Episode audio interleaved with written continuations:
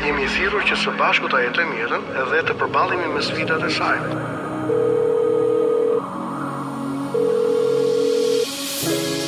Unë jam pastor Akil Pano. Në Top Albania Radio vjen një program i folur për njeriun, familjen, shoqërinë. Është dita e tetë. Drejt shërimit dhe shpresës. Për ju që ndiheni vetëm dhe të izoluar. Nuk jeni vetëm.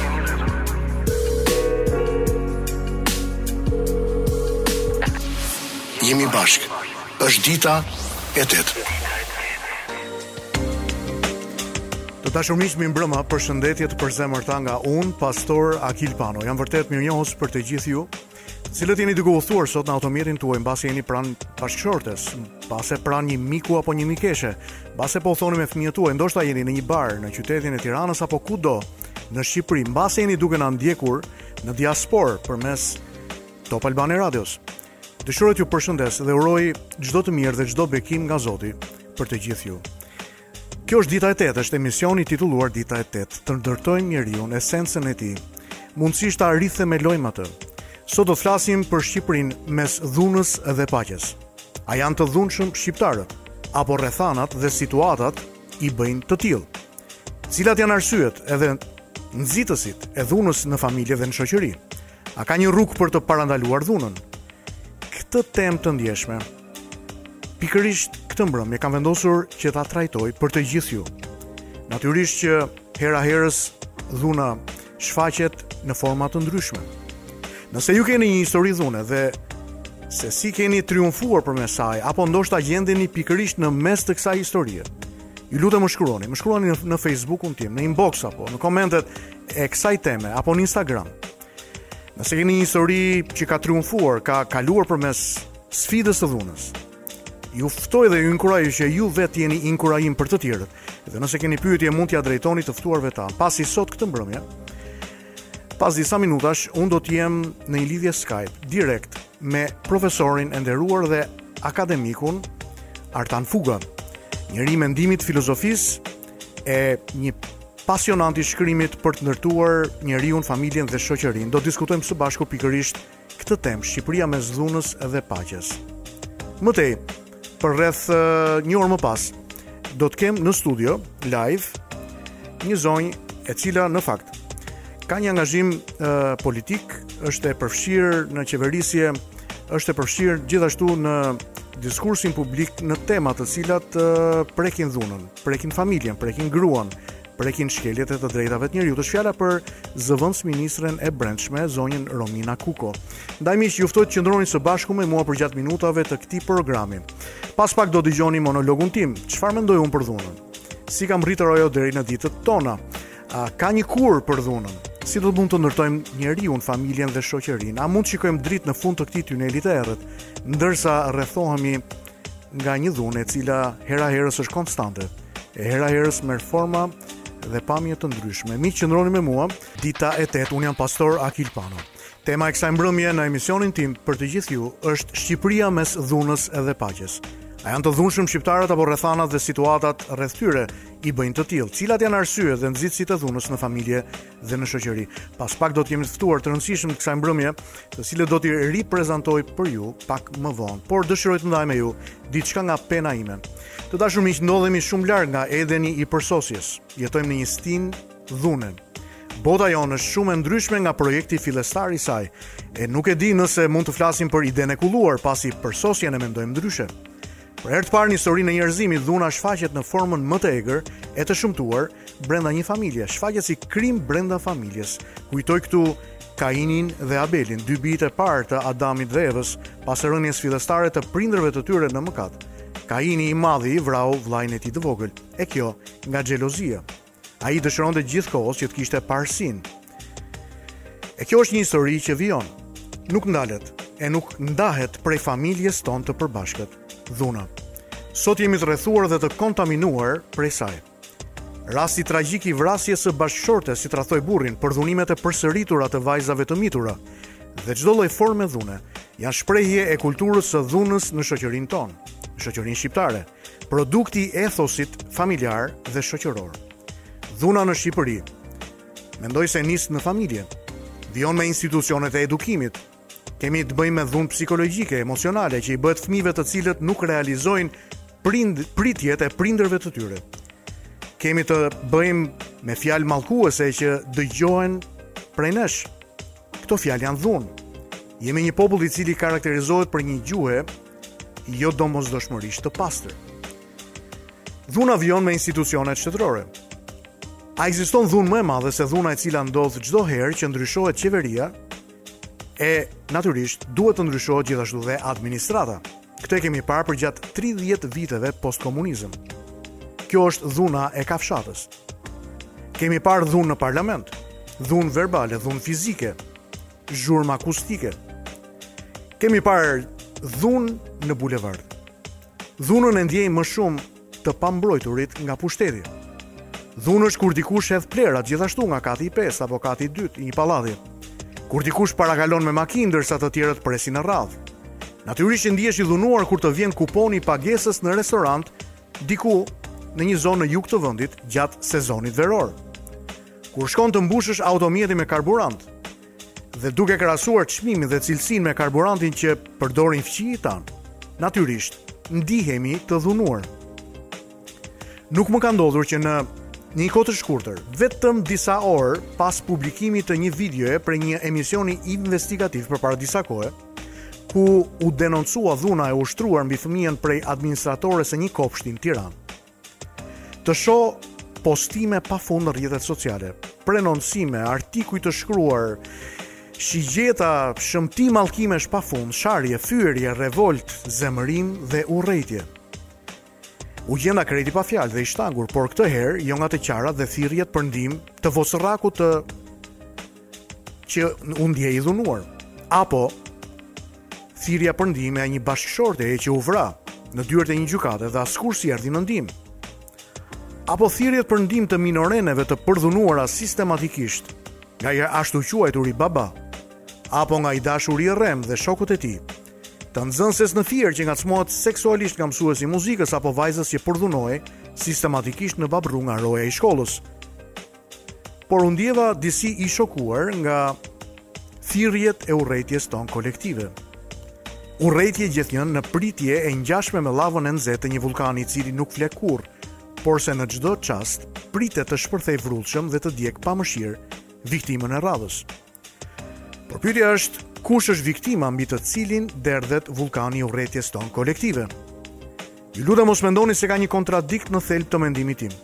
Nuk jam duke ndërruar pozicionet. E si mund të ngatërrojmë vocërrakun tonë për të cilin na dhemb shpirti me agresorin e tij?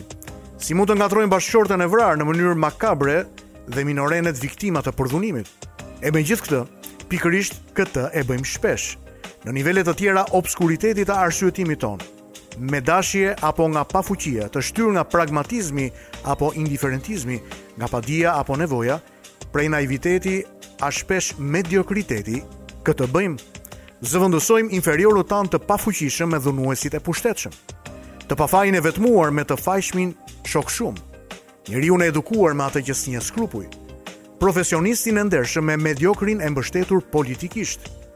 Tani më lejoni t'ju pyes a nuk është ky realiteti shqiptar. Është e frikshme ta pranojmë, por tashmë ky është konsensusi ynë i grupit. Jetojmë në tokën prej së cilës integriteti dhe mirësia shkulen si egjra dhe në vend të grurit kultivojmë padrejtësitë dhe të pamoralshmen. Më vjen tmerrësisht keq, njëlloj si të gjithë ju.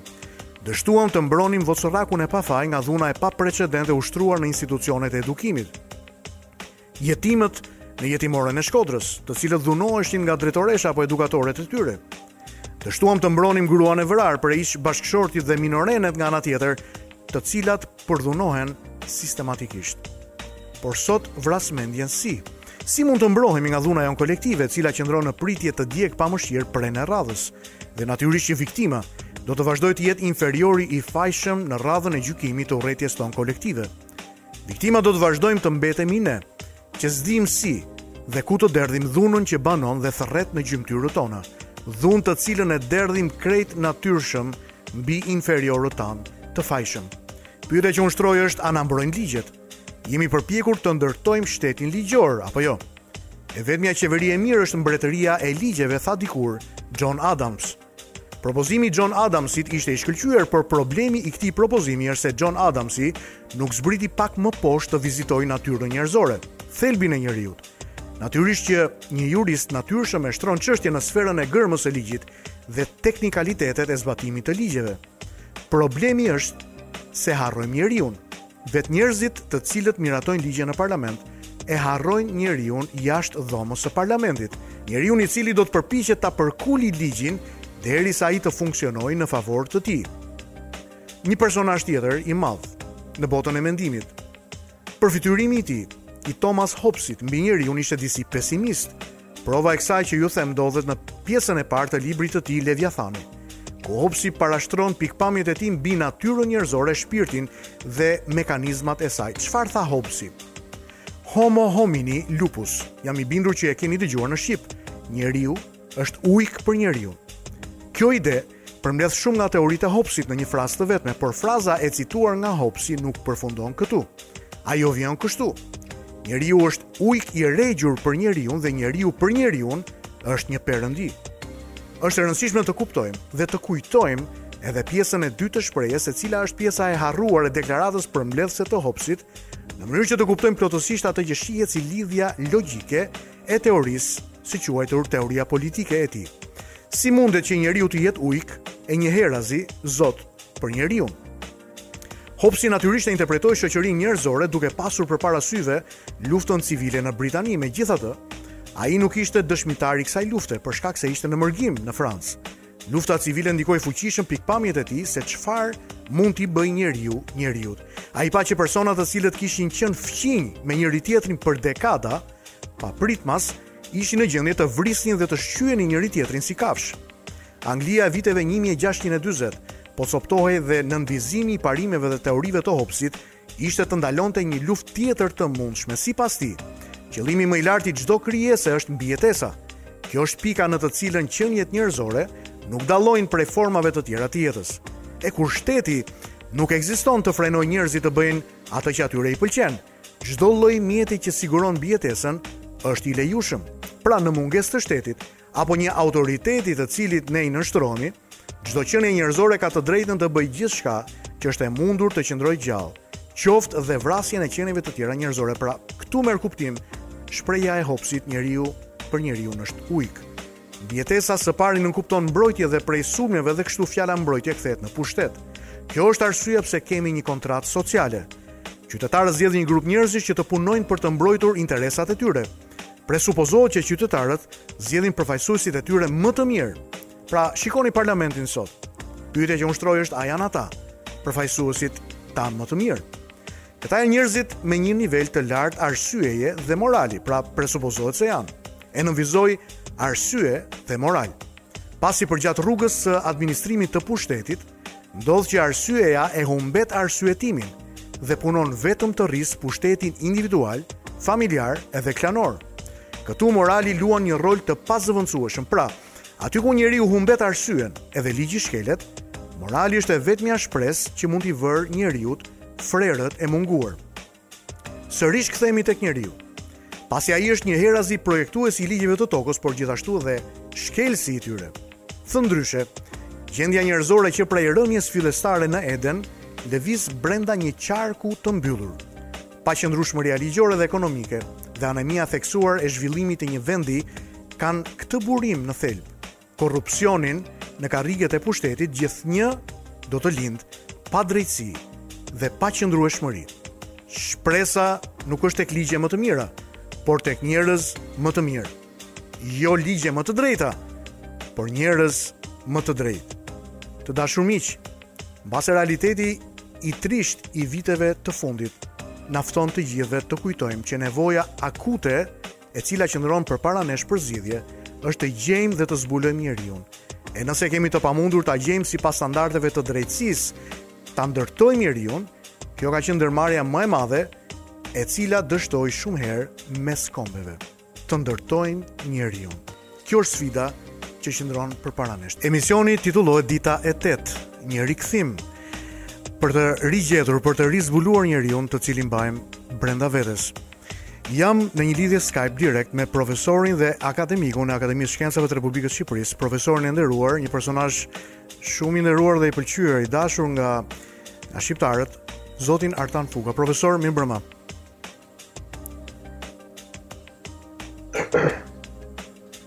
Profesor, mirë mbrëma. Mi mbrëma. Shpresoj që zëri im vjen tek ju përmes linjës së Skype-it. Sapo bëra një prezantim të shkurtër për ju. Në fakt kisha përgatitur bio e shumë materiale të tjera, por sa herë që përmendet emri juaj, gjithmonë është tepri që të vijoj me biot, pasi ju jeni persona shumë i njohur dhe i dashur për shqiptarët. Ju uroj mirëseardhje në këtë mbrëmje në programin Dita e Tetë. Mirë se ju gjeta, është kënaqësi që të jem veçanërisht me ju, një figurë që unë e respektoj dhe kam nderim të veçantë. A ju falënderoj nga zemra. Në fakt tema e kësaj mbrëmje është një temë delikate, temë e rëndësishme. Hera herës un kam qenë pjesë e debatit publik në agoran e e, e, e diskursit publik.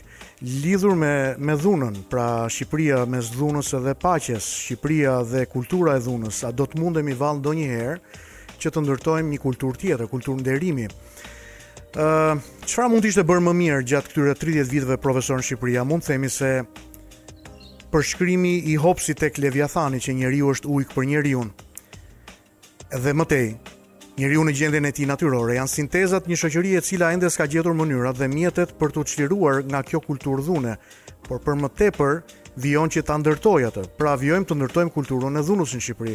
Si do ta përshkruanit ju shoqërinë shqiptare në përballje me dhunën, e cila shpërfaqet në mënyrë të përsëritur?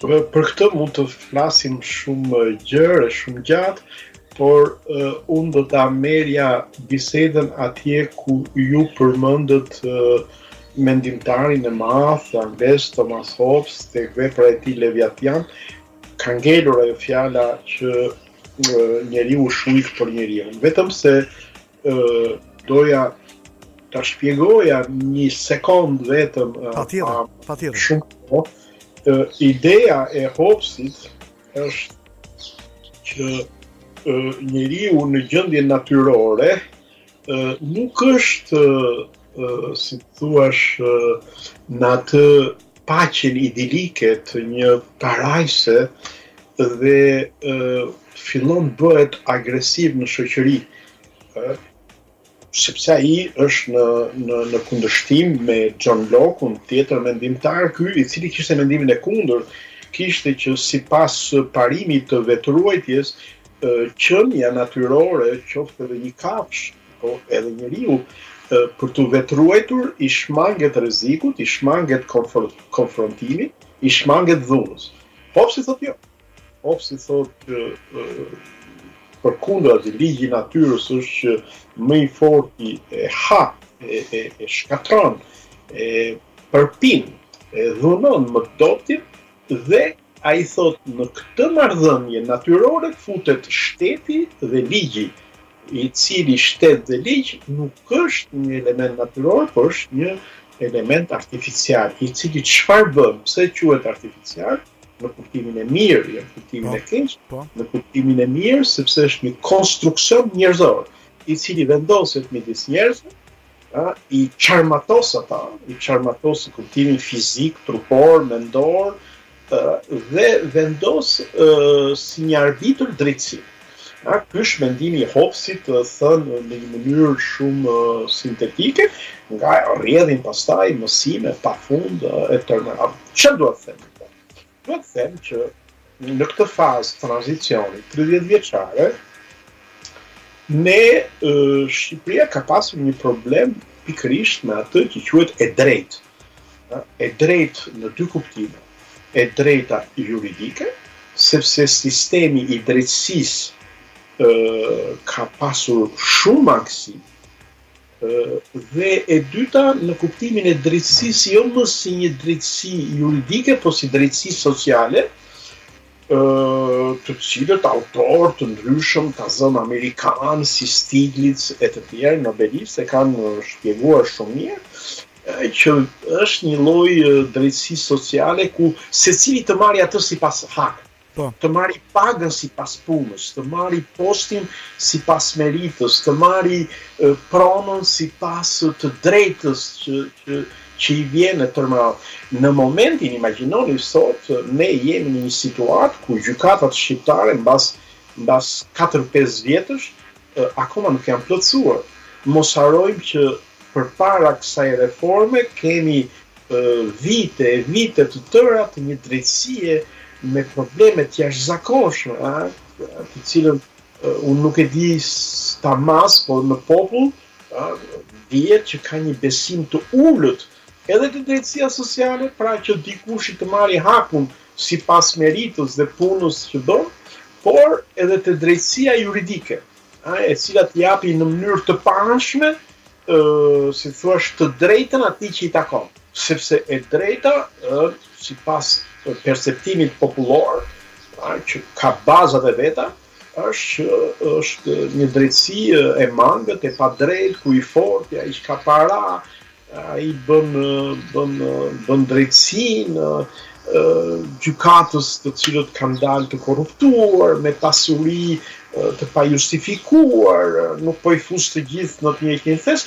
çfarë bën kjo tashti?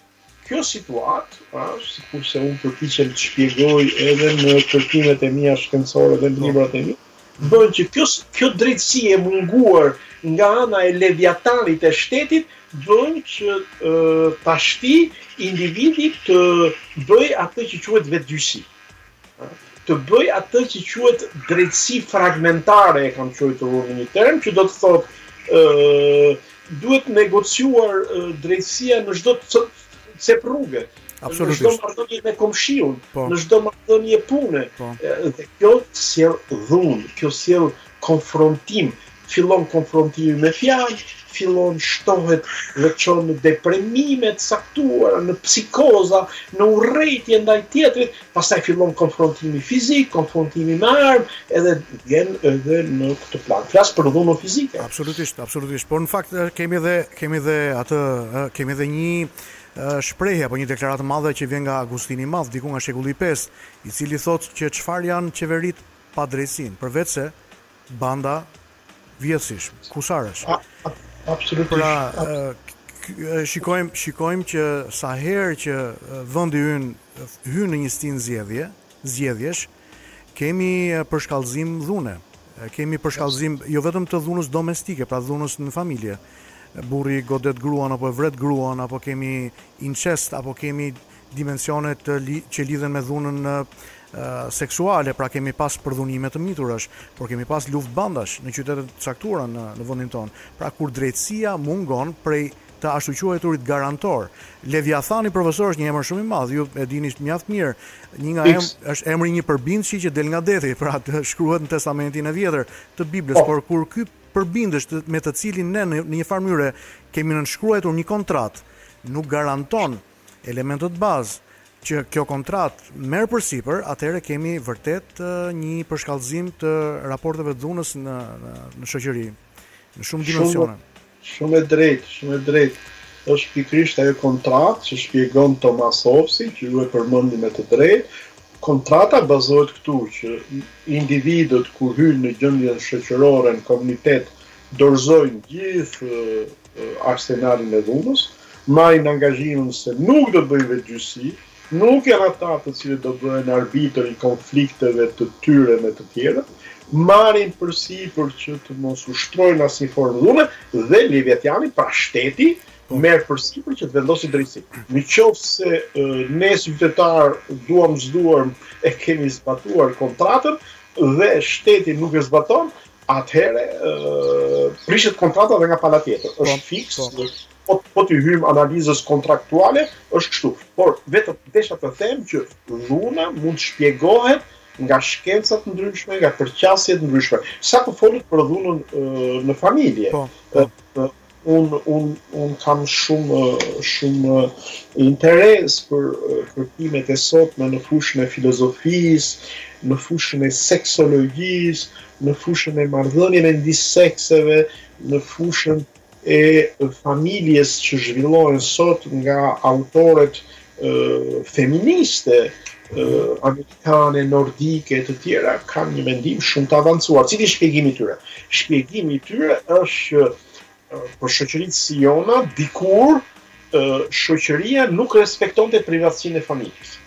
ç'do me thënë nuk privat nuk nuk nuk nuk e respektonte, po para disa dekadash gruaja, sikurse edhe në vende tjera, nuk kishte drejt as të divorcohej. Nuk kishte drejt më përpara akoma as të votonte, nuk kishte drejt të kishte asnjë kartë bankare, asnjë llogari bankare, se i kishte gjitha burri. Po, po në shoqërinë tonë këto s'ishin, po kishte të tjera ku ai që quhet Fronti Demokratik, a siç na po, kujtohet, po, po patjetër, patjetër thuaj lagja, po. lagja të hynte, po të ngrinte zërin burri, ku di un, mirë a keq po, ideologjikisht. Elementë frenues pra. Ndërhynte. Po. Por kjo kishte një gjë të keqe. Kishte të mhm. keqen se s'kishte privatësi. Po. Pra shqiptari s'kishte dot një një një një shtëpi private ku të mbyllte derën edhe të thoshte këtu zot jam unë. Jo, sepse edhe në shtëpi, në, në çështjet më intime ndërhynte kolektiviteti, shoqëria, po. propaganda, ideologjia, partia, lagja të mëra. Po. Në 90-ën ne menjëherë hymë në një uh, botë tjetër. Cila është bota tjetër? Bota tjetër është që stop, shoqëria respekton privatësinë. Cila është analiza e këtyre uh, feministeve? Mm -hmm. uh, mendimtareve ë që që mbrojnë tezën feministe edhe tezën e minoriteteve aktive. Po. Kjo është që në këtë moment kur familja bëhet e mbyllur, mm -hmm. që është një rezultat pozitiv sepse shteti vjen deri tek dera e marrëdhënies intime, në atë moment burri i cili është më i fortë fizikisht fillon edhe ka tendencën të dominojë dhe të ushtrojë dhunë mbi gruan. Dhe rritet doza e dhunës në familje si një gjendje paradoksale. Dhe ato thonë që nuk mund të kalohet nga njëri ekstrem tek ekstremi tjetër. Mm -hmm. Sigurisht nuk është fjala që shoqëria të hyjë me ato metodat e dhunshme propagandistike, policore, të dikurshme po. në familje, të fusë hundët në marrëdhëniet e çiftit, por shoqëria të bëjë gjithçka për të ardhur në mbrojtje të të femrës, ta dëgjojë, ta ndiejë dhunën, ë mua më bën nganjëherë çudi po, është quhet një artefakt statistikor, po. për shembull shoqëritë që kanë më shumë dhunë ndaj gras, ndaj grave janë zakonisht shoqëritë nordike, ëh, dhe kur del kështu, ti thua po si është e mundur kjo gjë, po. Po problemi është që është një është një interpretim ë pak i komplikuar i statistikës, sepse aty mund të quhet dhunë edhe një bërtitje, edhe një sjellje pak e, e tepruar e, e mashkullit, kurse në shoqëri ta zëmë si jona, ë dhuna ushtrohet, nuk vërehet, ë sikurse thonë koleget që merren me dhunën ndaj grave, gratë heshtin, nuk ka struktura mbrojtëse, ligji po. nuk është aq i fortë sa t'i t'i t'i përballojë këto mm -hmm. dhe ai që është i dobët në familje, fëmija, vuan më shumë. Bëhet pre e incestit, më fal. Mm -hmm. mm -hmm. Po, ju lutem, ju lutem. Bëhet pre e incestit, gruaja bëhet pre e dhunës, të vjetrit bëhen pre e një trajtimi shpeshherë të një dhune psikologjike nga moshat e reja, Dhe kjo vjen për arsye të një moskuptimi midis marrëdhënies familjare dhe marrëdhënies shoqërore. Kjo është një çështje tjetër, Stef. Tani, profesor, unë ju falënderoj shumë për faktin se e drejtuat bisedën duke orientuar brenda suazës së dhunës në familje. Pasi dhuna në familje indikatorët matës të saj, që gjithsesi, mbase kolegët tuaj sociologë, do të bënin një punë pak më më pranë, më më të afërt. Mbase është edhe shumë e vështirë ideja e matjes ë përmes ë intervistave, pasi jetojmë në një shoqëri ku sikundër dhe ju cituat, është e vështirë për një grua që të deklarojë edhe të pranojë dhunimin që i ushtrohet asaj në mënyrë intensive. Pra, por, por jemi këtu. Jemi këtu, duhet të bëhet një punë e madhe nga nga gjithë aktorët e shoqërisë. Në fakt, unë dëshiroj t'ju kthej pak mbrapsht tek ideja e kontratës. Pasi e shikoj shumë të rëndësishme këtë çështjen e kontratës, qytetar dhe shoqëri me shtetin, me shtetin të cilin ne zgjedhim të nënshkruajmë një kontratë. Para disa kohësh, në fakt vetëm një muaj përpara zgjedhjeve në vendin tonë, një humorist i njohur, bëri një deklaratë interesante. Ai tha, "Më jepni një milion euro, më bëni kryeministrin e vendit dhe unë ju premtoj që nuk do të vjedh, por do të punoj me ndershmëri dhe do të ndërtoj Shqipërinë."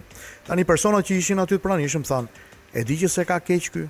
I dhanë konsensus duke i thënë, "Po do të zgjedhim ty kryeministër pa problem, por me kushtin që nuk do të vjedhësh." Por do të kënaqesh me kontratën që ke lidhur me ne dhe do të ndërtosh vendin.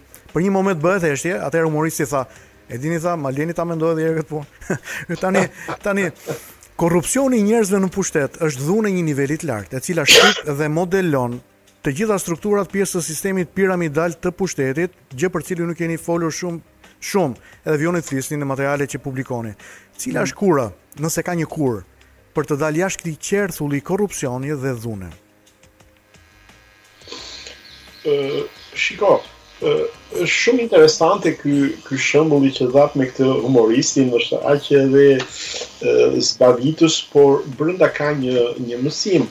Ë uh, unë gjithmonë kam menduar, uh, kam uh, shumë raste, uh, po marr një rast në një qytet uh, turistik i Shqipërisë. Ishte një zonjë e cila uh, ushtronte një profesion në një fushë të caktuar të mjekësisë. Ishte shumë e zot. Shumë, jashtëzakonisht e zot. Dhe vinin në atë qytet, po ju them disa dhjetëra njerëz me nevoja mjekësore për atë shërbim, nuk po e konkretizoj më shumë për të ruajtur privatësinë e saj, sepse ajo mund të mos dojë që unë t'ia bëj këtë reklamë. Dhe Unë madje, shkoja dhe unë për, për, për shërbimin që kërkoja. Dhe aty u njoha me flukset e njerëzve, thashë me dhjetëra. Këta njerëz vinin nga larg, jetonin në hotel, hanin e, nëpër restorante, e, konsumonin e tjere, tjere, tjere. Dhe unë thosha, more bashkia, bashkia e këtij po. qytetit, mm -hmm. këtë grua, duhet ta mbajë si një monument i gjallë, sepse kjo sjell para, kjo sjell shërbime, kjo rrit reputacionin, kjo sjell vizitorë, kjo bën gjithçka të mirë. Ajo e ushtronte profesionin e vet ë në një në një copë dhome të shtëpisë vet dhe unë e pyesja thosha mo ke ndonjë mbështetje ndonjë asistencë ndonjë pagesë shtesë ndonjë Absolutisht jo, absolutisht. Në një ditë të caktuar, asaj gruaje i vjen një ftesë, nami i saj iku, ë, është ngjarje para dy vjetëve, është dhe po. ngjarje vërtet, ë. Mm -hmm. Unë mund të t'i jap të gjitha të dhënat. I vjen një një një ftesë nga një spital i huaj dhe ajo ikën me gjithë familjen. Dhjetëra njerëz, mund të them qindra ngelin pa shërbim, qyteti humbet e të tjera me radhë. Unë po t'isha, pra, mm. po t'isha, pra, në atë bashki, do t'i thosha, zonjë, sa ta japin rrogën ty atje? Po. Kaq, urdhëro e ke nga bashkia. Çfarë të duhet? Të duhet një asistente? Po, na tre. Çfarë të duhet tjetër? Të duhet një lokal me sa, sa metra katrorë, urdhëro ta kesh. Çfarë dua të them? Unë dua të them që Ne mund të jetë një metodë shumë e mirë, po jo për pushtetarët, po dhe po. ata kanë trajtimin e tyre, por për figura të cilat janë figura çelës në teknikë, në kulturë, në uh, specialitet, në ekspertizë, në administrim e të tjera, mund të trajtohen, pra, mund të trajtohen në një mënyrë shumë, shumë veçantë, sepse ata janë gurët e kësaj shoqërie. Mua për shembull, një mobilier që më ka bërë mua dhomën e gjumit, që ishte duar artë, duar artë, duar artë, një ditë shkoj në Durrës sepse atje e kishte atelien e vet, dhe i them ku është? Ka ikur tha, ku ka ikur? Ka ikur në Firenze. Pse? Po sepse e ftuan atje tha dhe kanë ngritur një atelie atje, po, i kanë bërë gjithë kushtet dhe tash punon për atje. Thashë po si është e mundur? Mm -hmm. Si është e mundur që këta duarartë ne t'i lëmë? Tani, kur vjen puna për pushtetin, të shti, po. për pushtetin, mm -hmm. këtu ka një gjë i dashur pastor që ju e dini njësoj se unë, por jeni shumë shumë shpirtmadh siç ju takon edhe siç jeni edhe ma bëni mua pyetjen, por po mund ta thoshit fare mirë në diçka, ju mund ta thoni dhe vetë, por jemi në formën e një dialogu. Këtu është ndarja e pushteteve. Ndarja e pushteteve që nuk funksionon në Shqipëri. Nuk funksionon për një mijë arsye, nuk është se edhe në botën tjetër në në perëndim sot funksionon në mënyrë perfekte, por tek ne nuk ka. Tek ne nuk ka këtë ndarje, që do të thotë që do të thotë që gjyqtari të të të apo prokurori të ketë lirinë, pavarësinë, ta konsiderojë një gjë të zakonshme që një zyrtar të lartë të korruptuar po. ta menjëherë me denoncimin e bazuar dhe të besueshëm e të tëra, ta marrë përpara drejtësisë. Nuk ekziston, nuk ekziston kjo. Pse nuk ekziston? Mm -hmm. Ekziston sepse drejtësia është në duart e politikës. Administrata është në duart e politikës. Fatkeqësisht. Gjyqtari është në duart e politikës. Mm -hmm. Këtu gjithçka, gjithçka, gjithçka grumbullohet në duart e partive politike. Dhe unë Po e them prapë, ma jepni ju rastin, po jam i bindur që kemi një jehonë të përbashkët, ë dhe ju dini ta thoni shumë shumë bukur, ë që në qoftë se të gjitha pushtetet burojnë nga Kuvendi i Shqipërisë dhe Kuvendi i Shqipërisë ndërtohet nga partitë politike dhe partitë politike janë në duar të disa individëve, këtu nuk ka kush kontrollon më. Po. po. Profesor, profesor, në fakt unë kam shumë dëshirë që ta vijojmë bisedën, por jemi të detyruar, nuk e di si e keni ju kohën, në fakt. Jemi detyruar që të kemi 2-3 minuta lajme, lajme të shkurtra, që shkojnë shumë shumë pak. A do të vijojmë sërish pas lajmeve, pas 3-4 minutash? Jam dispozicionin tuaj. Atëherë un un dua vërtet që pas lajmeve të diskutojmë shoqërinë piramidale, ku ju i përgjigjeni qytetarëve pyetjet në librin tuaj. Këtë program jam duke bashkëbiseduar me akademikun, profesorin e nderuar Artan Fuga. Profesor, mirëmbrëma. Mirëmbrëma dhe një. Në librin tuaj Shoqëria Piramidale, ju në fakt trajtoni shumë çështje, ndër të tjera, ju aty përgjigjeni qytetarëve, të cilët me të drejtë shtrojnë dhe pyetje. Si bëhet që ka degraduar gjithmonë e më shumë e më shumë akoma niveli kulturor i deputetëve? Këtu i referohem pak a shumë e, këtij kuvendi që aktualisht kemi. Pra orët e fundit të të, të kuvendit parlamentit. Drejtuesve të partive politike, ministrave, ju trajtoni aty një një fabul që na vjen nga Aristoteli. Dhe Tirani Trasibul. Dhe mhm. aty ju bëni një pasqyrim të bosit si një lider absolut. A mund ta shtjelloni pak më tej, profesor? Ë, po, sepse shpesh herë bëhen krahasime që për shembull po të flasim për Shqipërinë e viteve 20-30, do të kemi figura të rëndësishme kulturore, të cilët janë edhe në në në, në politikë, edhe që si të thuash kanë edhe një aktivitet jo vetëm letrar, artistik, përkthyes, fetar, por libresk, libërdashës, por janë edhe, që apo studius, po janë dhe politikanë. Ku di unë nga familja Frashëri, ku di unë Noli, ku di unë Fishta, ku di unë të tjere, të tjere. Dhe si është tash një problemi që ne sot kemi deputetë të cilët në këtë, në këtë kuvend, të cilët janë nga pikëpamja kulturore, pa dashur të fyej njeri, nuk mund të themi që e tejkalojnë mesataren kulturore të qytetarit të mesëm shqiptar, ndërkohë që politikani, politika, ligjvënësi duhet të jetë pjesë e një elite edhe kulturore. Kjo është pyetja. Kjo është pyetja që po. bëhet gjithmonë. Sigurisht që ka një përgjigje, ka një përgjigje që e ka dhënë e ka dhënë sociologjia politike. Sociologjia politike europiane, amerikane dhe un kam një një tendencë që të mos dal jashtë këtyre paradigmave kryesore të pranuara për çdo vend, po të gjenden specifikat shqiptare. Dy janë arsyet kryesore. Arsye e parë është që ne jemi në një shoqëri masash të Nuk jemi në një shoqëri shtresash dhe klasash. Apo grupe shoqërore.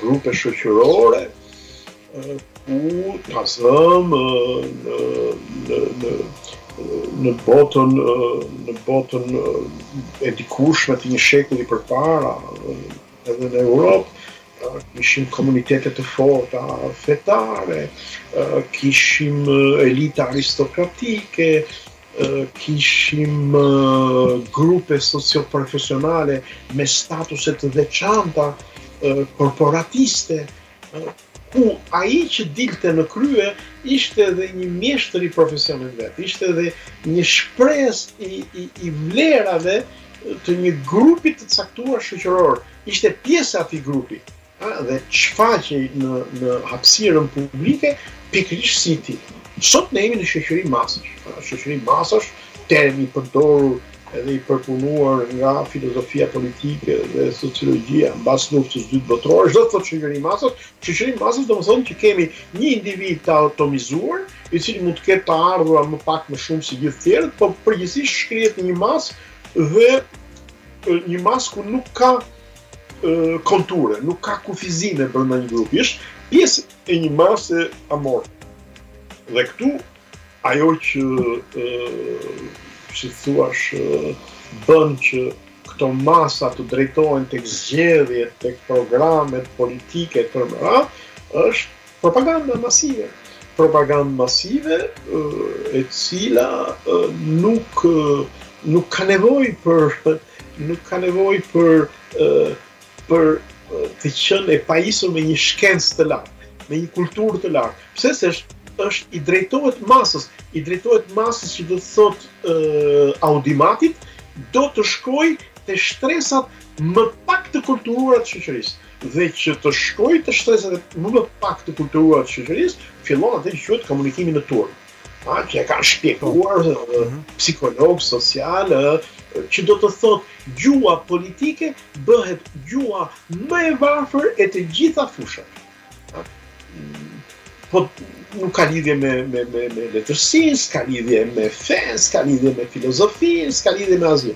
Dhe këtë gjuhë të varfër tashti mund ta mbarti edhe një individ i cili s'ka nevojë të ketë kulturë, paraqitet si një demagog.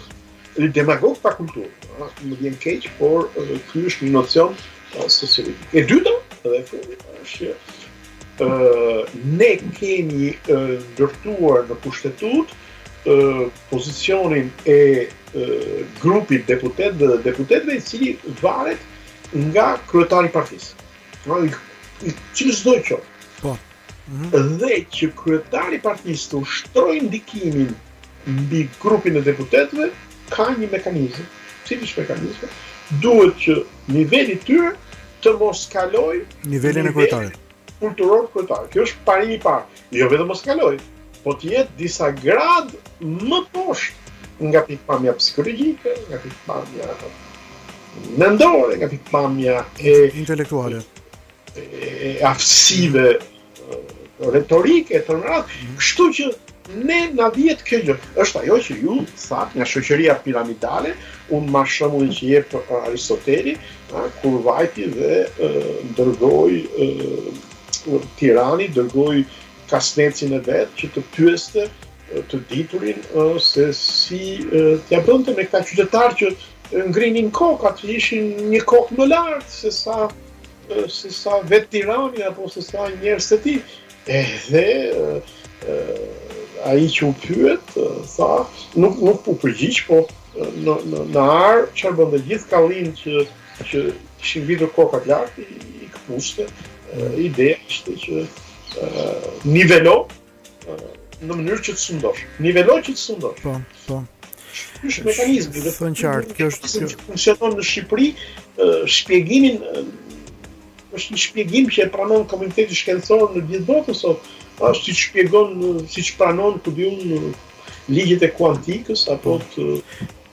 Gjithsesi është edhe një retorikë tjetër të cilën unë e dëgjoj nga analistë të caktuar në në në median e shkruar, në median vizive, të cilët thonë që liderat politikë në fakt nuk japin asgjë më pak apo më shumë uh, masës, përveç se çfarë masa masa kërkon, pra çfarë e kënaq masën, mbase vetë liderat mendojnë, është edhe është edhe kjo përqasje, një përqasje tjetër, mbase vetë këta lidera politikë mendojnë që Të jem sa më pranë masës, duhet të përdor gjuhën e tyre. Unë personalisht ndaj një opinion, një, një pikëpamje tjetër. Unë mendoj që lideri politik dhe kasta politike duhet ta thërrasë masën që të ngjitet, pra të ngjisë shkallën e e, e nivelit të saj. Gjithë gjithsesi, profesor, jemi duke shkuar drejt momenteve të fundit të bisedës tonë për këtë mbrëmje. Në fakt Hegeli ka thënë se përpara se të kemi një komunitet politik, duhet të ndërtohet një komunitet moral. Duket sikur kemi dështuar të ndërtojmë këtë komunitet moral në vendin tonë. Tani sipas jush, cilët janë aktorët kryesorë në ndërtimin e këtij komuniteti dhe çfarë duhet të përmirësojnë këto aktorë në punën e tyre? Ëh, e një në radhë parë është është është është politikani. Është ai që sundon, sundimtari në kuptimin politikan. Po, pse sepse ai jep shembull. Në momentin kur politika shqiptare ka 30 vjet, kur palët e politikës shqiptare dhe personazhet e saj ë atakojnë njëri tjetrin ë me terminologjinë më të rëndë që parë nga dy palët nga sipër del që sipas tyre në këtë sharrnajë të madhe janë pa moral të mhm. si thua të, të korruptuar që përdorin një gjuhë shumë të të ashpër e termat, imagjinoni tani se çfarë se çfarë shembulli japin ata sepse mimetizmi është një nga mekanizmat më të rëndësishëm të edukimit. Mimetizmi domethënë unë imitoj ata që më drejtojnë, ata që kanë status më të lartë. Në këtë moment pa pastruar politikën dhe pa krijuar një politikë të vlerave, e cila kërkon ato mekanizma që thamë nuk mund të realizohet, nuk mund të realizohet. Gjithsesi profesor, po, po. Mhm. E dyta janë ata ato grupe shoqërore të cilat duhet të kenë një status shumë të nderuar. Dhe ne jemi një shoqëri ku i kemi shkatërruar të gjitha statuset socio-profesionale. Për shembull, është statusi i nëpunësit publik. Nëpunësi publik sot është një militant i cili në nga çasti në çast ndodhet i rrezikuar që për arsye politike apo për arsye të tjera të të të si të thuash të hiqet nga puna. Po. Ë ne kemi ë figurë morale shoqëritë tradicionale, po dhe shoqëritë që kanë këtë këtë komunitet moral kanë gjyqtarin. Po. Apo një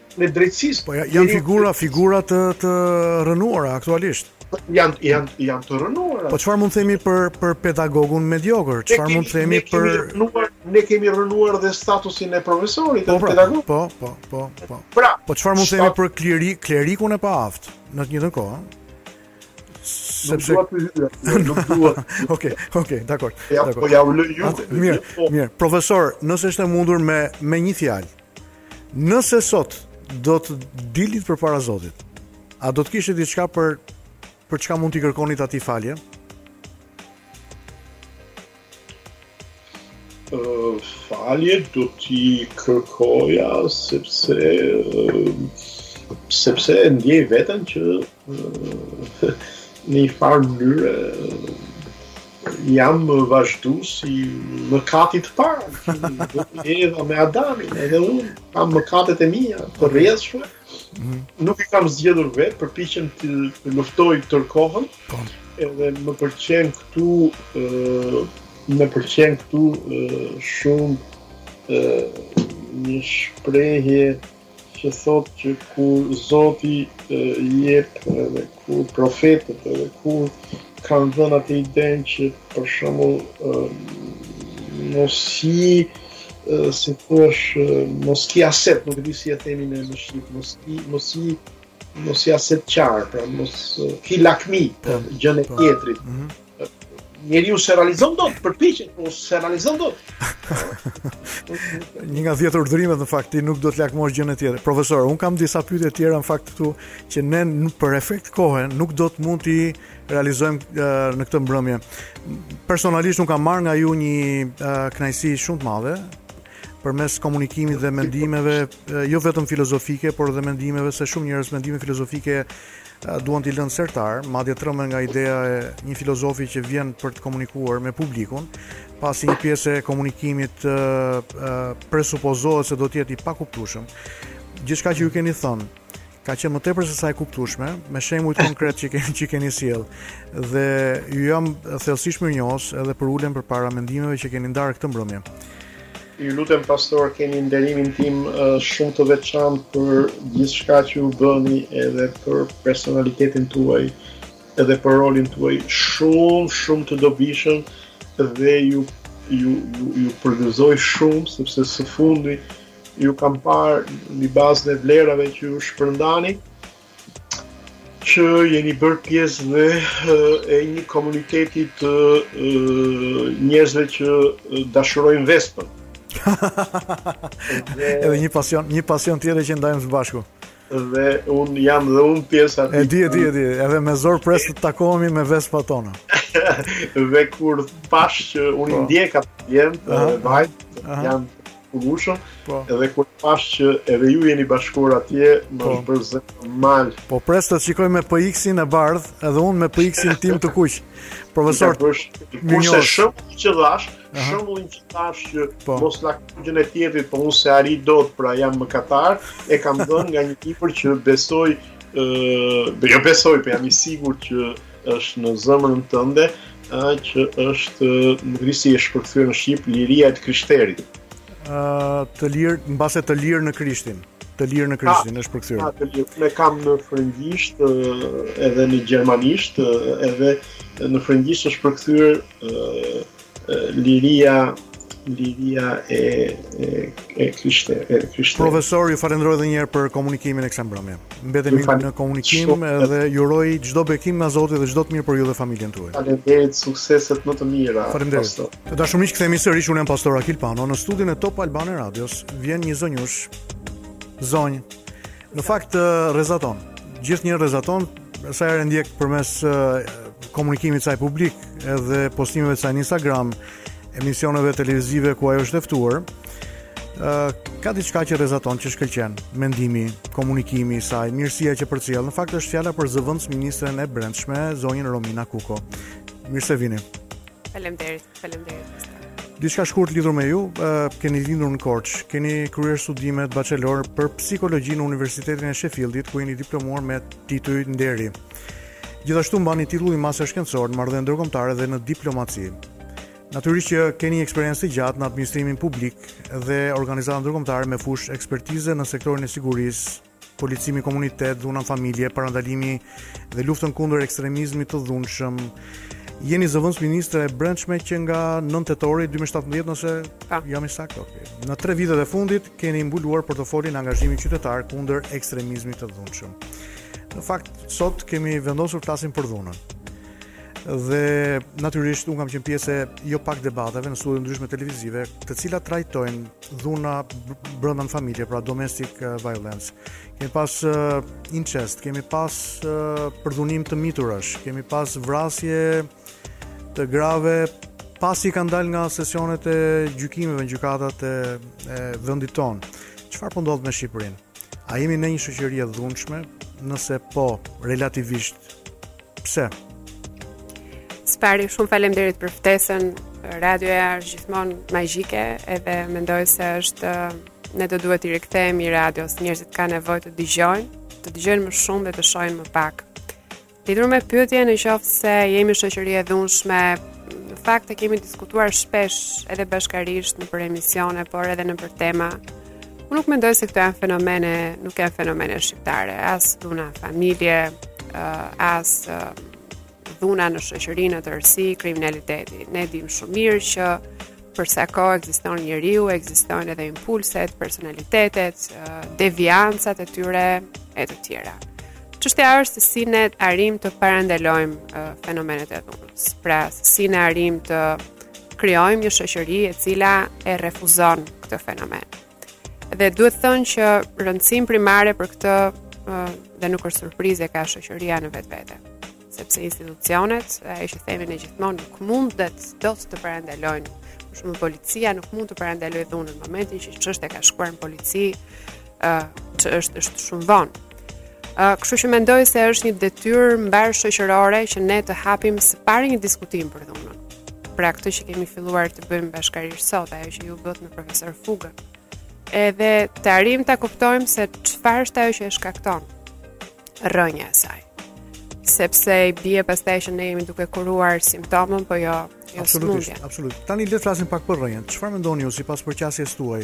Duke qenë një njohëse e mirë edhe e denoncimeve që bëhen në polici, edhe duke duke qenë vetë zonjë. Natyrisht e prirur që zëri i dhimbjes që vjen nga grupi shoqëror i zonjave, grave, vajzave, të cilat dhunohen, për ju është akoma më motivues edhe shtyes që të përpiqeni, sikur unë besoj që jeni përpjekur, keni bërë maksimumin tuaj që ta kuroni, por që duke gjetur edhe duke parë rrënjën e problemit. Sipas jush cila është rrënja, cila është rrënja e problemit dhunës?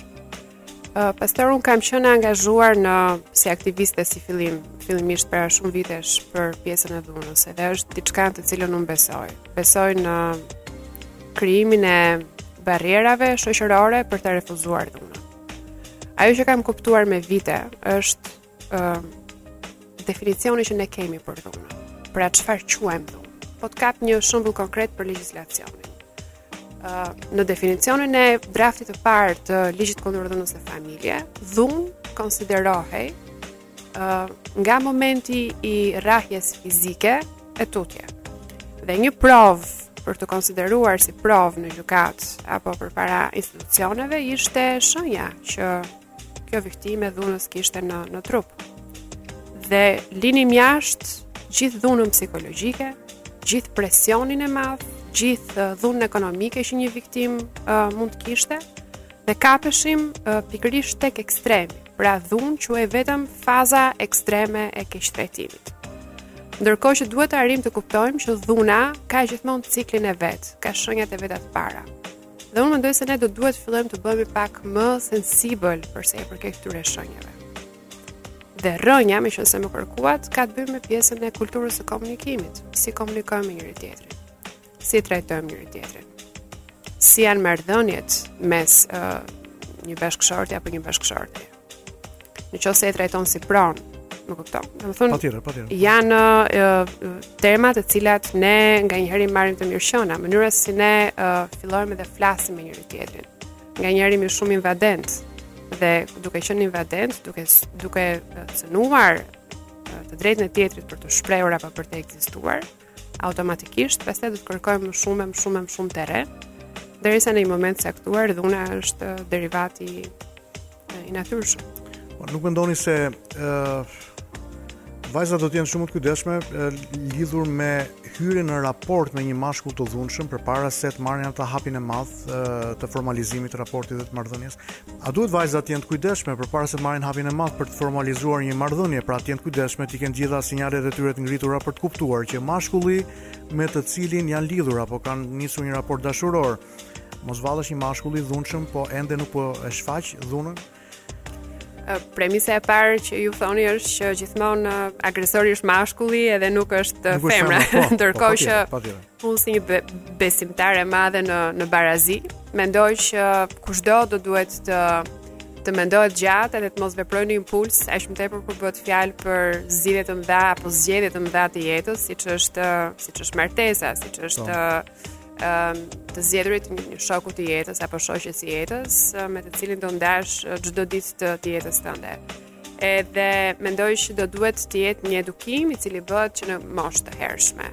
ka qenë një shprehje shumë e bukur që thoshte mos mësoni vajzat që të jenë të kujdesshme kur dalin në darkë, por mësoni djemtë që të mos ngacmojnë uh, vajzat kur dalin në darkë, pra nëse nisim nga premisa.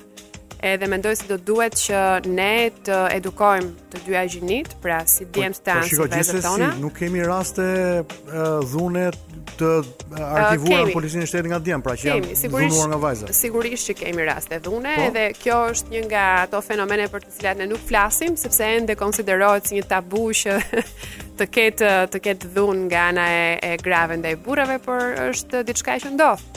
edhe është diçka të cilën ne do duhet ta pranojmë si shoqëri. Pra kjo është tabuja që ne krijojmë, stereotipet që ne krijojmë, uh, uh, kjo kultura që zakonisht agresori është ai që është më i fortë. Po ta shikosh ka një lidhje kështu implicite që agresori është edhe pjesa e fortë, ndërkohë që nuk është kështu. Nuk është kështu sepse dhuna është mjet kontrolli. Dhuna në familje është krim kontrolli. Pra, ka të bëjë me dominancën e një pale mbi një pale tjetër. Pra, dhe burrat duhet të bëjnë kujdes, këtë po thoni apo? Ë, uh, të gjithë duhet të jenë të kujdesshëm kur vjen puna për uh, ato që quhen red flags, uh, të po. sinjaleve të dhunshme nga dikush. Në qoftë se dikush të privon lirinë, në qoftë se dikush uh, të kontrollon çdo sekondë, dikush uh, nuk të lejon të zhvillohesh, Në qoftë se dikush të pengon nga ë uh, shoqërizimi yt, edhe po. ky është një sinjal që dikush duhet ta marrë që në fillim të, të marrëdhënies dhe për gjithë ata që na dëgjojnë, nuk ka asnjë lloj dashurie në të të kontrolluarit uh, po. në mënyrë obsesive. Gjithsesi unë shikoj që jeni mjaft e barazlarguar apo e barazafruar ndaj fenomenit, uh, duke i trajtuar pra të dy palët të barazvlefshëm përballë ligjit Edhe po më thoni se ka pas raste edhe meshkuj të cilët kanë uh, denoncuar për faktin po. se janë ndjerë të dhunuar apo janë ndjerë godit, janë goditur apo kanë pas probleme. Tani në fakt policimi në komunitet kam disa vite që e dëgjoj që nga koha kur drejtori i përgjithshëm i policisë ka qenë miku im Bajram Ibraj, shumë mhm. vite përpara. Mm -hmm policimi komunitet e tjerë. A mund të thoni diçka lidhur me idenë e termit çfarë do të thotë policimi në komunitet? Si duhet ta shikojë punonjësi i policisë qytetarin dhe qytetari punonjësin e policisë? Çfarë bëhet? Me sa di unë, ka pas edhe momente ku punonjës policie kanë shkuar në shkollat nëntëvjeçare, kanë folur me, me nxënësit dhe kanë trajtuar këtë si subjekt. Fatkeqësisht unë nuk kam qenë aty edhe jam krejt i paditur. Dhe të bëjmë një test, pastaj, të bëjmë një test, shumë interesante gjithë po. si zhvillohet. Policimi në komunitet ka të bëjë me partneritetin që policia ka me komunitetin. Pra, policia bën punën e uh, ruajtjes së sigurisë, jo si një entitet i shkëputur, jo si një forcë, jo si një shkop, por si një shërbim. Dhe këtë e bën së bashku me qytetarët.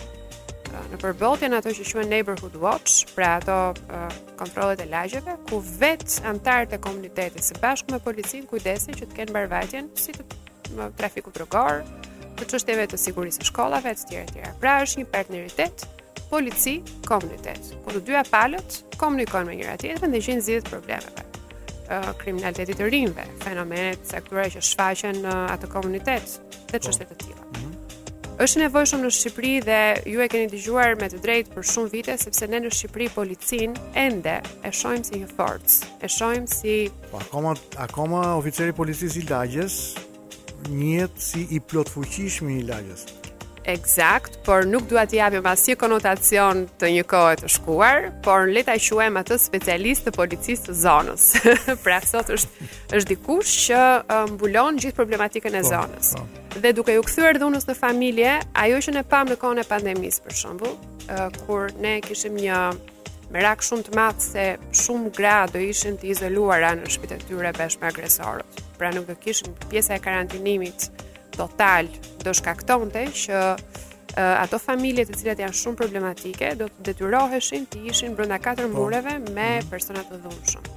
Dhe kërkuam në atë kohë nga të gjithë këta specialistë policisë së zonës të bënin një hartëzim se ku ishin zonat, lagjet, qytetet, të cilat kishin një problematikë të theksuar, pra cilët ishin ata që kishin denoncuar një herë. cilat ishin ato familje që paraqesnin problem.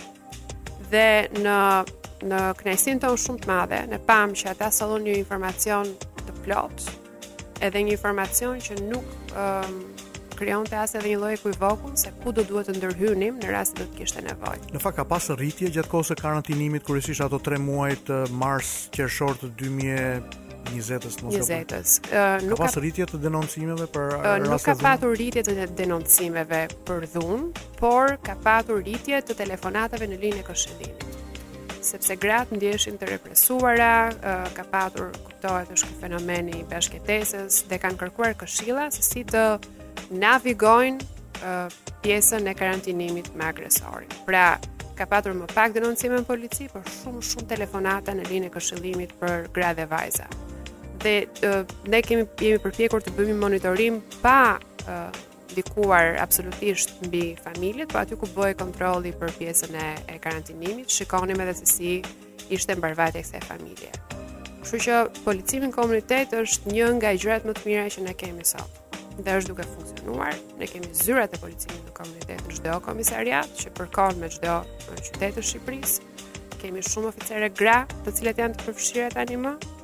Kemi ata që janë që quhen oficerë të sigurisë në shkolla, të cilët në bazë të përditshme punojnë pranë shkollave, pranë gjimnazeve në Shqipëri, qoftë për të parandaluar raste, qoftë për të edukuar të rinjtë. Edhe mendoj se është një farë edhe pranimi që shoqëria i bën uh, policisë për të krijuar besimin që më pas ata të mund të denoncojnë sepse e besojnë atë si shërbim po. dhe jo si mhm. forcë. Mm -hmm. uh, lidhur me urdhrat e mbrojtjes që lëshohen për gratë e dhunuara, sa mendoni ju zbatohen nga personat për të cilët është lëshuar urdhri i mbrojtjes? uh, urdhrat e mbrojtjes me ndryshimet ligjore që kemi bërë në ligjin për uh, dhunën marrëdhëniet uh, familjare. Tani janë dy lloj, janë urdhrat e menjëhershëm të mbrojtjes. Pra në qoftë se më përpara do duhet të kishte një procedurë të stërzgjatur për të që çështja shkonte gjykatë që të merrim këto prova. Sot këto urdhra të menjëhershëm mbrojtje lëshohen direkt nga policia. Pra një grua e dhunuar që kërkon një urdhër mbrojtje mund ta marrë atë në në moment që më pas të marrë një urdhër normal mbrojtje në një afat të caktuar. ë uh, ka patur vendime dhe unë e kam thënë dhe më përpara në fakt absurde të gjykatave lidhur me dhunën familje. Ka patur urdhra mbrojtje, të cilat dhe vendime të gjykatave të cilat thoshin që bashkëshortët nuk duhet t'i afrohen njëri tjetrit në uh, distancën prej 3 metrash, ndërkohë që i linte brenda së njëjtës çati. Ka patur vendime të cilat kanë penalizuar fuqimisht viktimën duke e nxjerrë nga shtëpia. Dhe mendoj se me kalimin e kohës po shikojmë që edhe gjykatat, edhe me çështjen e reformës në drejtësi, vettingut dhe sensibilizimit të tyre kanë ndryshuar. Patjetër që kuadri ligjor është përmirësuar pa diskutim, por dhe vendimet e tyre kanë ndryshuar. në tërësinë e tyre urdhrat e mbrojtjes zbatohen, sepse e dimë që penalizimi pastaj është shumë i lartë. Megjithatë, unë problemin uh, nuk e shoh vetëm tek zbatimi i urdhrave të mbrojtjes, oh, por mm -hmm. punës që duhet bërë për riintegrimin e këtyre grave në shoqëri, sepse nuk duhet të harrojmë që një pjesë e tyre janë gra, të cilat se është e lehtë ta thuash uh, që mori një urdhër mbrojtje dhe tani le të vazhdoj po, jetën. Po problemi është ky, kush autoritet, cili autoritet duhet të ndjekë këto hallka, pra kemi të bëjmë me ministrinë e brendshme, që bën punën e vet. Në raste të caktuara ka bërë mjaft mirë. Tani vijmë tek momenti kur këtyre grave u duhet dhënë strehim, pra kemi të bëjmë me institucion tjetër që është bashkia ose është Ministria e Çështjeve Sociale. Këtë, këtë po ju thosha. Po. Ne kemi mekanizmat kombëtarë të referimit. Kush i ndjek po? Në çdo bashki. Mm -hmm ndërkohë që kemi një monitorim të përgjithshëm nga Ministria e Shëndetësisë në raste konkrete të çështjeve sociale. Ë ka filluar zbatimi i një skeme për dhënien e banesave sociale apo pagesave të qerave të grave kryefamiljare të cilat kanë vuajtur një një fenomen të dhunës së familje. Ka filluar një skeme punësimi të këtyre grave ose rritjes së aftësimit të tyre profesional dhe këtë po ju thosha. Pra, fokusi i punës tonë tani është dyfish. E para, parandalimi. E dyta, reintegrimi i të mbijetuarve nga dhuna në familje në shoqëri. Pra, Pjesa pra, aktualisht shteti ofron strehim, po thoni? Aktualisht, po. Qoftë kemi... përmes banesave sociale po, po. ose po. përmes një qiraje, të të cilën me një vendim të të Këshillit Bashkiak, një grua e dhunuar mund të përfitojë deri në një kohë të caktuar Po një mundësi punësimi diku uh, ka incentiva dhe uh, mundësi për aftësimin e tyre. Kemi zyrat uh, e formimit profesional, okay. të cilat mhm. janë të shpërndara në gjithë Shqipërinë, të cilat ofrojnë kurse falas për një profesion të caktuar dhe të paktën unë di që këtu në Tiranë janë dy qëndra shumë të mdha të cilat ofrojnë lloje kursesh dhe më pas Nëpërmjet zyrave të punës bëhet e mundur që këto gra të punësohen. Dhe kemi raste plot të, të po duhet të kthehet në një farë kulture. Ju jeni vet vet psikologe në, po themin po. profesion. Ë uh, si si vijon udhtimi këtyre i këtyre personave të cilët kanë qenë viktima të dhunës. në dimensionin e një mbështetje dhe një kujdesi psikologjik, a marrin ndihmë dhe trajtim kujdesi përmes një psikologu që vihet në ndihmë këtyre personave? Psikologu është aty që në momentin e parë. Dhe si vijon më pas? Në momentin e parë që një grua shkon denoncon dhunën në polici, psikologu është Apo psikologja është i pranishëm që në momentin e parë. Madje ne kemi psikolog të brendshëm në drejtoritë e policisë. Kemi arritur që të kemi në çdo drejtori të policisë kemi psikolog tanët. Jo më pastaj psikolog të cilët do të uh, mbrojnë çështje në gjykatë uh, e të tjera. Dhe psikologu ofron një ndihmë reale, po vetëm në momentin kur personi shkon bën denoncimin apo i ofron jo. ndihmën në vijim. Psikologu uh, ai që ofron ndihmën në momentin e denoncimit është aty sepse ju e imagjinoni që një grua e dhunuar në traumën që ka, të rrijë të japë dhe shpjegime se çfarë ka ndodhur, është po. si të riprodhojë skenën nga e para. Kështu që krijohet një ambient intervistimi për ta lehtësuar këtë gjë. Dhe më pas vlerësohet në qoftë se ka nevojë për ndjekje nga uh, ana e psikologut. Këtë e vendos patjetër punonjësi social i bashkisë, të cilët ne në pjesën dërrmuese i kemi shumë të mirë, i kemi njerëz me një eksperiencë shumë të gjatë, të cilët kanë mundësi të vendosin në dispozicion një psikolog për ta trajtuar çështjen e një punonjës social. Mm -hmm. Ajo që ndodh më pas është ndjekja e rastit deri në momentin që merret një vendim nga gjykata, ka një kujdes për fëmijët, në qoftë se ata do të duhet të shkojnë në një shkollë tjetër apo në qoftë se ata do të duhet të, të kenë dhe ata një lloj trajtimi të caktuar. dhe më pas ndiqet gjithë hallka deri në mbështetjen e ndihmës ekonomike. Referohet ky rast. Tani deri drejt tani jemi okay në në komunikim në në bashkëbisedim? Absolutisht. Okay. Nuk e di nëse është bërë shumë teknike për jo, qytetarët, jo, po mendoj nga biseda që unë fakt përfshihem në këto uh, debatet publike që bëjmë në emisione televizive. Janë disa elementë të cilët kur unë i mendoj pas këtyre debateve me gjithë zhurmën e madhe që bëhet fatkeqësisht disa herë, nuk nuk mbulohen pra këto pjesa teknike. Mbase ju duhet jeni pak më e pranishme në në këto debatet ë uh, unë televizive preferoj... që pak më shumë dritë lidhur me lidhur me kujdesin që shteti ofron në mënyrë që edhe ata persona të cilët janë sinqerisht janë njerëz të cilët uh, apolitik ose nuk janë uh, duke u pozicionuar në një kah të caktuar politik me padashjen e tyre, duke dëgjuar aktorë të caktuar të shoqërisë në debatet përfshira, nisin dhe akuzojnë dhe institucionet shtetërore që nuk bëjnë punën e tyre. Mbase individë të cilët duhet ishin në debat nuk janë, individë që janë ekspertë fushës, që mbulojnë fushën dhe mund të flasin me kompetencë lidhur me me fenomenin që ne po trajtojmë. Kjo është arsye e përsëritjes së disa pyetjeve që janë teknike. Edhe një pyetje tjetër teknike që unë dua ta trajtoj me ju. Vetë kam asistuar në debate televizive kur kemi trajtuar më shumë se sa të paktën ku unë kujtoj dy raste që kanë qenë ngjarje të rënda. Për shembull, burri ka vrarë gruan, edhe kjo ka ardhur pasi ai nuk ka pranuar divorcin. Pra, gjykata ka dhënë divorc, jashtë sallës së gjyqit burri ka vrarë gruan apo edhe disa muaj më vonë ose pas denoncimeve që viktima ka bërë në komisariat ka ndodhur vrasja Pra çfarë duhet bëjë policia më mirë? A duhet bëjë diçka më mirë që t'i t'i mbrojë këto viktima të një dhune të mëparshme, të cilat përfundojnë në në në viktima fatale? Këto janë janë raste shumë fatkeqe. Unë mbaj mend edhe rastin e gjyqtares në po, fakt, po. e cila ishte vetë në sistem dhe kur erdhi puna nuk arriti dot ishte krejt e pambrojtur nga sistemi të të mbrohej edhe ajo në fakt është edhe gjithashtu dhe rasti më i fundit që patëm në në Elbasan ishte një rast shumë fatkeq edhe rastet që kemi patur të grave do për mua dhe besoj për të gjithë ne është një dhimbje shumë shumë e madhe kur kjo gjë ndodh sepse të gjithë ndihemi përgjegjës për këtë qoftë ata që kanë diçka për të bërë por qoftë edhe shoqëria në vetvete Ajo që do të duhet do duhet bëhet, mendoj, është patjetër që policia gjithmonë mund të bëjë më mirë. Nuk e besoj kurrë tezës që gjërat janë perfekte. Nëse janë perfekte, nuk zhvillohen më. Edhe është e pavërtetë të thuash që gjërat janë perfekte. Absolutisht duhet të ketë një sistem. A mendon se a mendon se qytetarët mund të bëjnë diçka më mirë? Uh, unë mendoj se do duhet të ketë një në raport në raport me fenomenin për cilin po flasim. Protokoll kujdesi i cili instrukton të gjitha uh, gratë apo personat që janë në risk në një marrëdhënie toksike e cila duket se ku po shkon, sepse asnjëherë një vrasje nuk ndodh uh, me të parë. Gjithmonë ka ndodhur diçka më përpara, gjithmonë ka ndodhur një kërcënim më përpara, gjithmonë ka ndodhur një dhunë ekstreme më përpara. Dhe është gjithmonë zinxhiri i dhunës që hera e ardhshme është gjithmonë më e dhunshme se ajo e shkuara.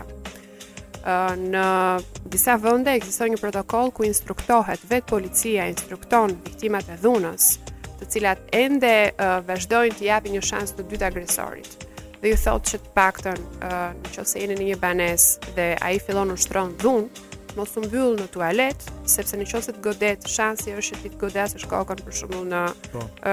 këto në në lavaman dhe të të lëndohesh më shumë, po gjej një vend ku është më i butë dhe pastaj të kesh mundësi dhe kohë për të uh, denoncuar në polici. Po. Pra, deri në një lloj parapërgatitjeje ekstreme që ato të jenë të trajnuara. Pra po flasim për manuale përkujdesjeje, po manuale përkujdesjeje. Tani këto në vende ekstremisht të zhvilluara, të cilat kanë 50 vjet, 60 vjet që janë po. duke e trajtuar çështjen e dhunës dhe njerëz të cilët janë të sensibilizuar me fenomenin. Ndërkohë që ne në Shqipëri deri në një kohë të caktuar, e kemi konsideruar dhunën si një fenomen kush të rreh të do, po, po. burri duhet të japë edhe një shpullë, siç janë këto gjërat që akoma ka një ambiguitet në shoqëri për sa i përket uh, rolit. A mendoni se institucionet e edukimit dhe institucionet fetare mund të bëjnë diçka më mirë në raport me Absolutisht, absolutisht, absolutisht. Ne po e shohim tek tek trajnimet që policia bën në shkollat 8-vjeçare. E kemi filluar trajnimin Nëse ju e shihni, ne kemi dhe një faqe në Facebook, unë zakonisht i bëj shpesh share ku uh, oficerët e policisë shkojnë dhe u flasin uh, fëmijëve për fenomenin e duhanpirjes, përdorimit të alkoolit, uh, përdorimit të drogës, uh, dhunës, që në atë moshë të hershme. Dhe mënyra diferenca mes klasave dhe mënyra se si ata shkruajnë esetë e tyre, sepse kjo është mënyra se si ne e masim, nga hartimet që ata shkruajnë, duket që ajo gjë ka reflektuar dhe ka zënë rrënjë. Dhe prandaj thashë në fillim që do duhet të krijojmë një kulturë të refuzimit të dhunës, për ta konsideruar të papranueshme. Jo, ai që të rreh nuk të do. Ai që të rreh është duke të, minimalisht, duke të nënvlerësuar, duke të dhunuar, dhe duke të zhbërë personalitetin tënd si njeri. Këtë duhet pra, ta them me zë të lartë. Të ndërtojmë një kulturë nderimi apo të pezullojmë kulturën e dhunës, gjë që duket duket uh, një ndërmarrje jashtëzakonisht shumë e madhe, një gjigant pothuajse i pathyeshëm. Duhet të ndërtojmë një kulturë tjetër, ju po thoni. Pra, kulturën e refuzimit. Kulturën e distancës. Çdo qenie njerëzore është krijuar që të mos dhunohet. Të duhet, të përjetojë kujdes, të investojë jetën e vet, të ndërrojë. Ë, uh, kjo ishte edhe pyetja që unë fakt kisha në listë, si mund të kultivojmë kulturën e nderimit? dhe të shmangemi nga dhuna, po ju fakt e, e mbuluat këtë si, si, si pyetje. Diçka që lidhet me ju, në fakt unë zakonisht të intervistuarve në këtë emision, i bëj dhe 2-3 pyetje të fundit, po që janë pak personale, ju ndihuni e lirë, nëse dëshironi mund të përgjigjeni. Nëse, nëse do të dilni përpara Zotit, A do të kishit diçka për cilën mund t'i kërkonit ndjesë? Uh,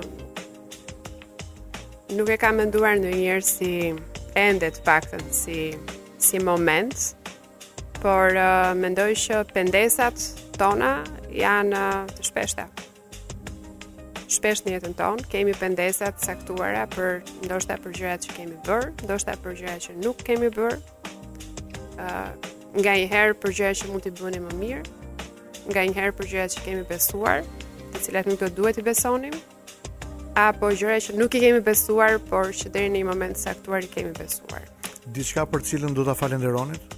ë uh, do ta falënderoj, e falënderoj përditë në fakt, sepse fakti që njerëzit kanë ë uh, familjen, dashurinë, përkushtimin, një çati mbi kokë, një standard të caktuar jetese, unë mendoj që çdo njeri duhet të falënderojë uh, për atë që ka, së pari për për shëndetin, sepse mendoj që të falënderosh Zotin apo të falënderosh uh, uh, si me thënë, Perëndinë, një qenie, një entitet të lartë për ata që kanë kanë dyshimet e tyre ose po. ndoshta tani na dëgjojnë edhe agnostikë, po edhe po, njerëz që që nuk besojnë fare. Që nuk besojnë, por mendoj që njerëzit duhet të jenë falënderues për për ato që kanë. Po. Sepse e mira nuk ka fund asnjëherë, po nganjëherë i kupton kur gjërat të, të ikin, ëh, sa të mira janë. Në fakt, uh Ju po e mbyllni bisedën përmes një mendimi të madh nga Shën Pali i Madh, i cili thotë që perëndishmëria është ajo që njeriu të kënaqet me atë që ka, pra të jetë i lumtur dhe të jetë mirënjohës edhe falënderues. Tani më lejoni që unë të shpreh mirënjohjen time për bisedën që zhvilluam bashkë këtë mbrëmje dhe uroj çdo bekim të Zotit në jetën tuaj, në familjen tuaj, edhe në vijim të karrierës suaj. Së bashku të bëjmë botën që na rrethon më të mirë. Faleminderit, faleminderit edhe për ju gjithashtu. Mbi të gjitha shëndet, Falenderoj gjithashtu për ata që na dëgjuan uh, sonte.